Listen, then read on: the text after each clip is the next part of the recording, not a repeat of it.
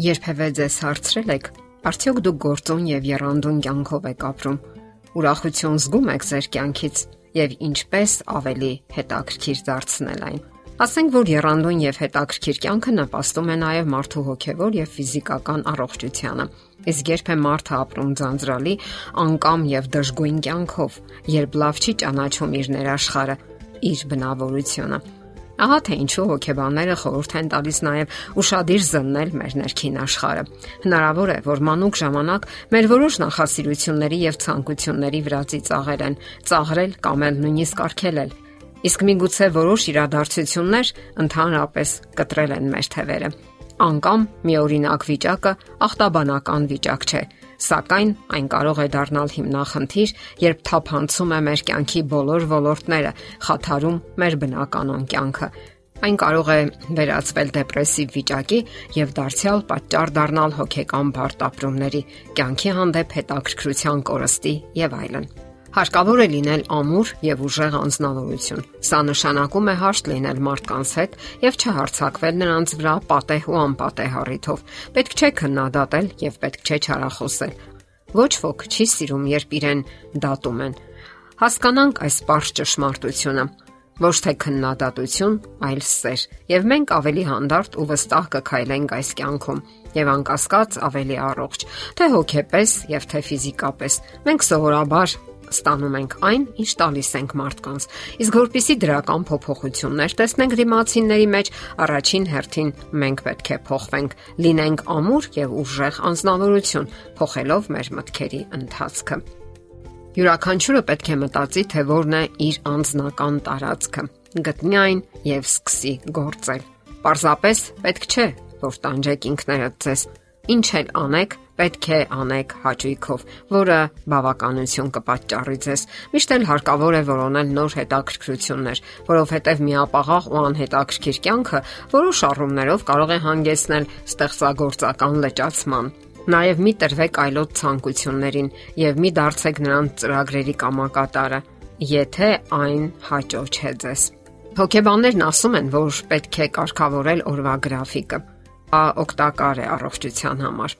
Նշեք ձեր անելիքները հեռախոսի կամ թղթի վրա։ Եթե իհարկե բոլորովին կարևոր չէ, թե ինչի վրա է կազմում ցուցակը՝ համակարգչի մեջ, հեռախոսի, թե հինավուրց թղթերի վրա։ Միգուցե դուք գերադասում եք թղթի վրա գեղեցիկ համարակալել առաջադրանքները կամ նշել հերթականությամբ ըստ կարևորության։ Միգուցե սիրում եք նրբաճաշակ, աղյուսակներ կամ սխեմաներ գծագրել։ Կարևորն այն է, որ դուք տեսանելի ցույց եք տալիս, թե ինչ տեսք ունեն ձեր առաջադրանքները մոտակա օրը կամ մոտակա շաբաթներին ու ամիսներին։ Մի խորուրդ եւս՝ պաշտպանվեք գովազդներից, որովհետև դրանք ուրիշների կյանքն են, որ համառորեն փորձում են ներխուժել ու պարտադրել իրենց արժեքները Եվ որքան էլ մեզ թվա թե մենք պաշտպանված ենք գովազդի ազդեցությունից, դա այդպես չէ, որովհետև մեր ուղեղը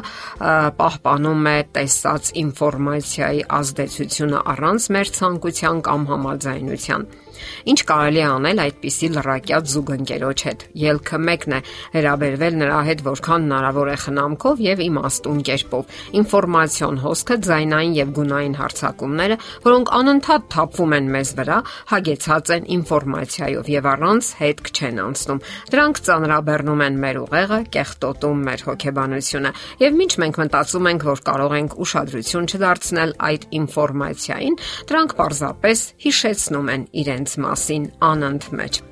Մենք չենք կարող արգելակել գիտատեխնիկական առաջընթացը, սակայն կարող ենք խելամտորեն օգտվել դրանցից։ Կարող ենք խնայել թե մեր առողջությունը, թե մեր դիմացիներին։ Կարող ենք հասկանալ դիմացիներին, ովքեր փափագում են կենթանի մարդկային փոխհարաբերություններ։ Գաղտնիք չէ, որ համացանցն այսօր դարձել է մեր կենցաղի բաղկացուցիչ մասը իր անսահմանափակ հնարավորություններով, եւ այն միշտ չէ, որ օգտակար եւ կարեւոր է։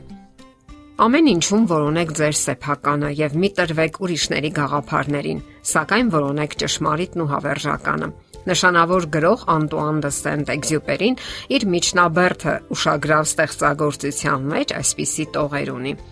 Նրանք խրվում էին լճանում երջանկության այն պատրանքի մեջ, որ ստանում էին իրենց կൂട്ടակած բարիքներից։ Մինչդեռ երջանկությունն այն ջերմությունն է միայն, որ բխում է մեր արարքներից, այն գոհունակությունը, որ ծնվում է ստեղծագործությունից, Նրանք, ովքեր իրենց էյության եւ ոչ մի մասնիկը չեն տալիս հանուն ոչնչի եւ մյուսներից են խաղում իրենց սնունդը, թեկուզ նրբագույն, ընտրագույն սնունդը։ Նրանք, ովքեր լսում են օտարների բանաստեղծությունները, սեփական բանաստեղծությունները գրելու փոխարեն, նրանք, ովքեր օգտվում են օազիսից, կյանքի ոչ մի նշույլ չպարգևելով նրան, Նրանք, ովքեր երգում են այն երգերը, որ պատրաստի բաժանում են իրենց, կարչում են գոմի իրենց կերամանից եւ դատապարտված են իրենց այդ դերին պատրաստ ընդունելու ստրկությունը։ Դե ի՞նչ, պատրաստ եղեք երանդուն կյանքի։ Եթե մինչ այժմ չեք մտածել այդ մասին, ապա հիմա է ժամանակը ոչ միայն մտածելու, այլև գործելու։ Ժամանակն արագ է անցնում, իսկ կյանքը չի սպասում։ Եթերում է առողջ ապրելակերպ հաղորդաշարը։ Հարցերի եւ առաջարկությունների համար զանգահարել 033 87 87 87 հեռախոսահամարով։